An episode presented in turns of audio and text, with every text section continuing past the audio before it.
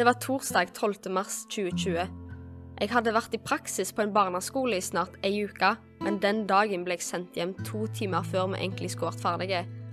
Den nasjonale lockdown hadde begynt.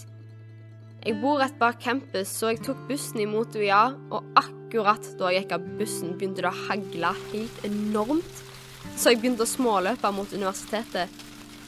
Jeg hadde ikke hetta på jakka mi, så jeg ble våt i håret, og det kom biter av hagl ned i nakken min som førte til at en isende kulde spredde seg i hele kroppen. Haglet gav seg ikke heller, så jeg var nødt til å søke ly under tak. Jeg kom meg endelig inn i Vrimlehallen, og da ble jeg helt satt ut. Klokka var ett på dagen, og det var lyst ute. Men universitetet, som pleier å sverme av elever og lærere, og lukte av kaffe, svette og bøker, var nå helt fullstendig tomt, og lyset var skrudd av. De eneste som var der, var noen folk som hang opp skilt om at det ikke var lov til å gå der, og de markerte bakken med gul og svart teip.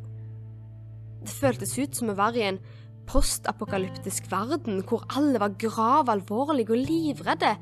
I hvert fall da jeg endelig kom hjem og så at folk kledde seg i vernedrakt og hamstra på butikken. En natt hadde jeg en drøm, eller mer et mareritt, om korona. Om at jeg var sjuk, og at jeg hadde smitta hele familien min. Jeg har òg begynt å reagere når tiltakene ikke følges på TV og film. Får liksom en litt ubehagelig følelse i kroppen når jeg ser at folk der går på konserter og fester, og hvor de klemmer og drikker fra samme glass. Det er ganske rart med tanke på hvor sykt naive vi var for et år siden. Nei, det kommer ikke til Norge, tenkte vi. Ja, det er over om noen uker, tenkte vi. Men der hadde vi feil, gitt.